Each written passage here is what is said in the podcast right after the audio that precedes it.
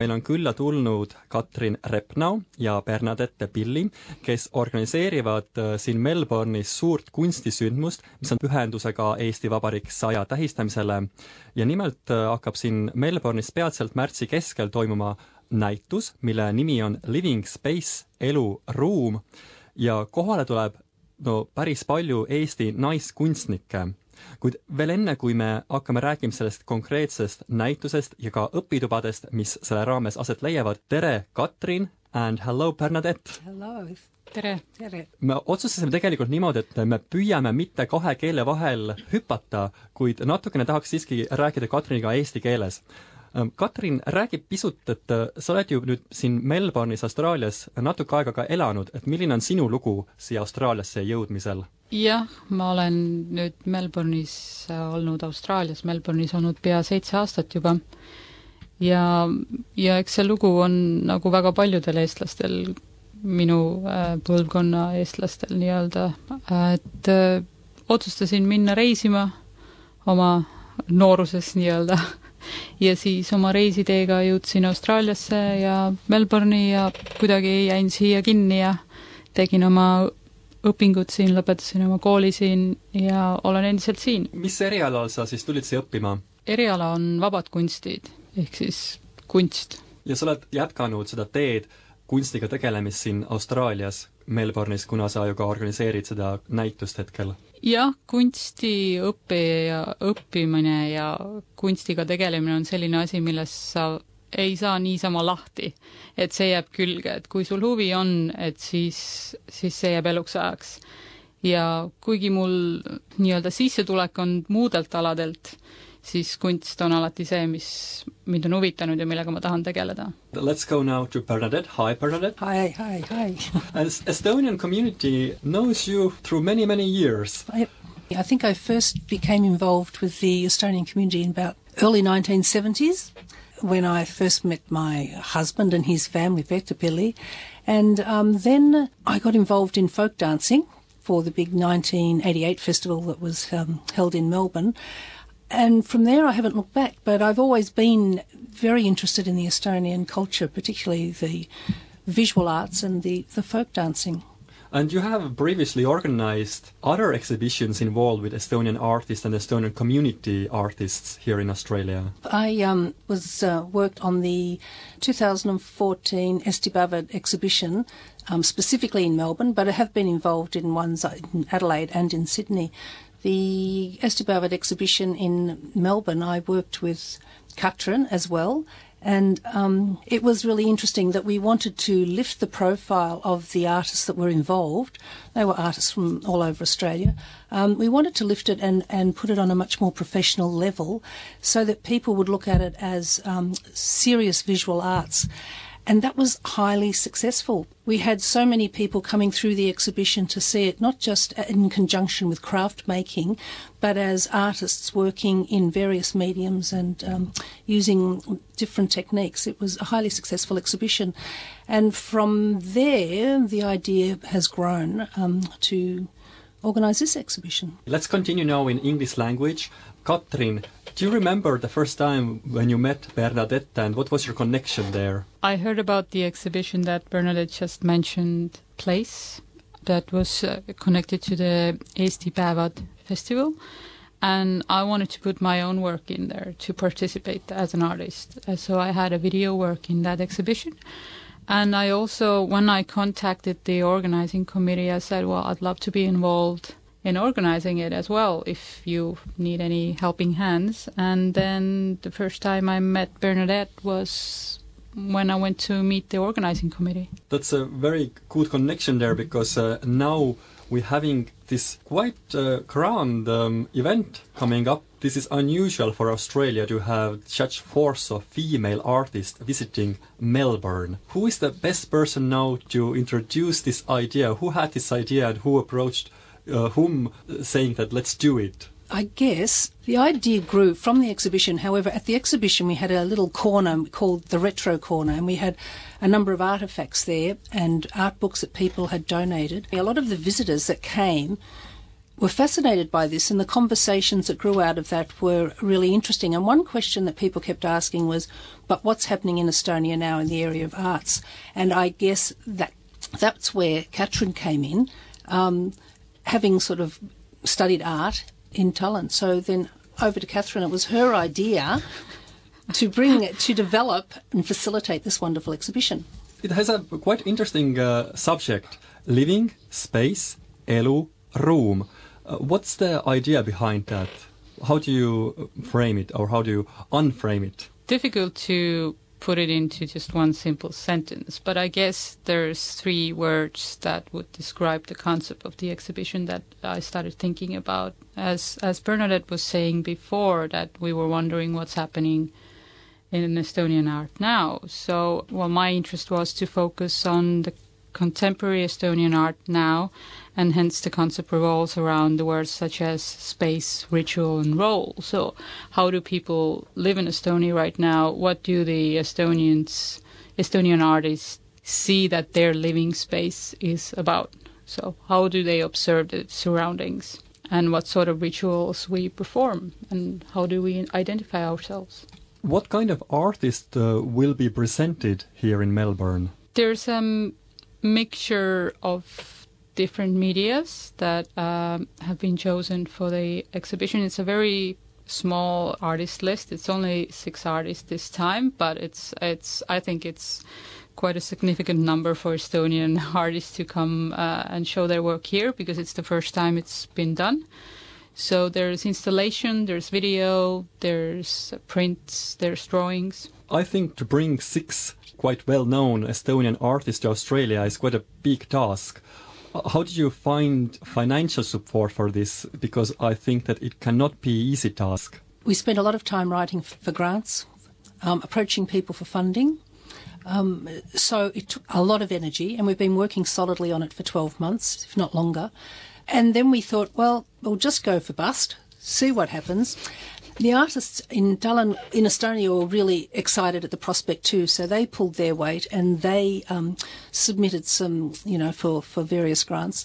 They were awarded 600 euro each from the endowment. Cultural Endowment of Estonia. Yep, the Cultural Endowment of Estonia. So that was really exciting. That was like, oh my goodness, the artists have actually got some money. So four, uh, that meant four of the artists would travel were willing to travel all the way to Australia accompanying their artwork. The next big issue we had was transporting the artwork. Um, and I'd spoken to a number of people, and a number of galleries were concerned about bringing in um, materials that might need to be quarantined. So this was becoming a bit of an issue, but um, Katrina did, did quite a bit of research, a lot of time on the phone to customs, etc. Um, and then we, pushing at this end, um, the ambassador Andres Unga had then also supported the idea, and through him we gained funding from the the funding from the Ministry Foreign, Foreign- Affairs Foreign Affairs. Foreign Affairs Ministry, and so they supported the project as well and put money towards the transportation of the artwork, which is pretty exciting because that's um, the artwork's most valu- valuable part of the whole exhibition. And then from there we approached the local Australian community for funding, and we were successful with that, particularly with the um, Melbourne Estonian Social Club and the Melbourne Uhing and AESL.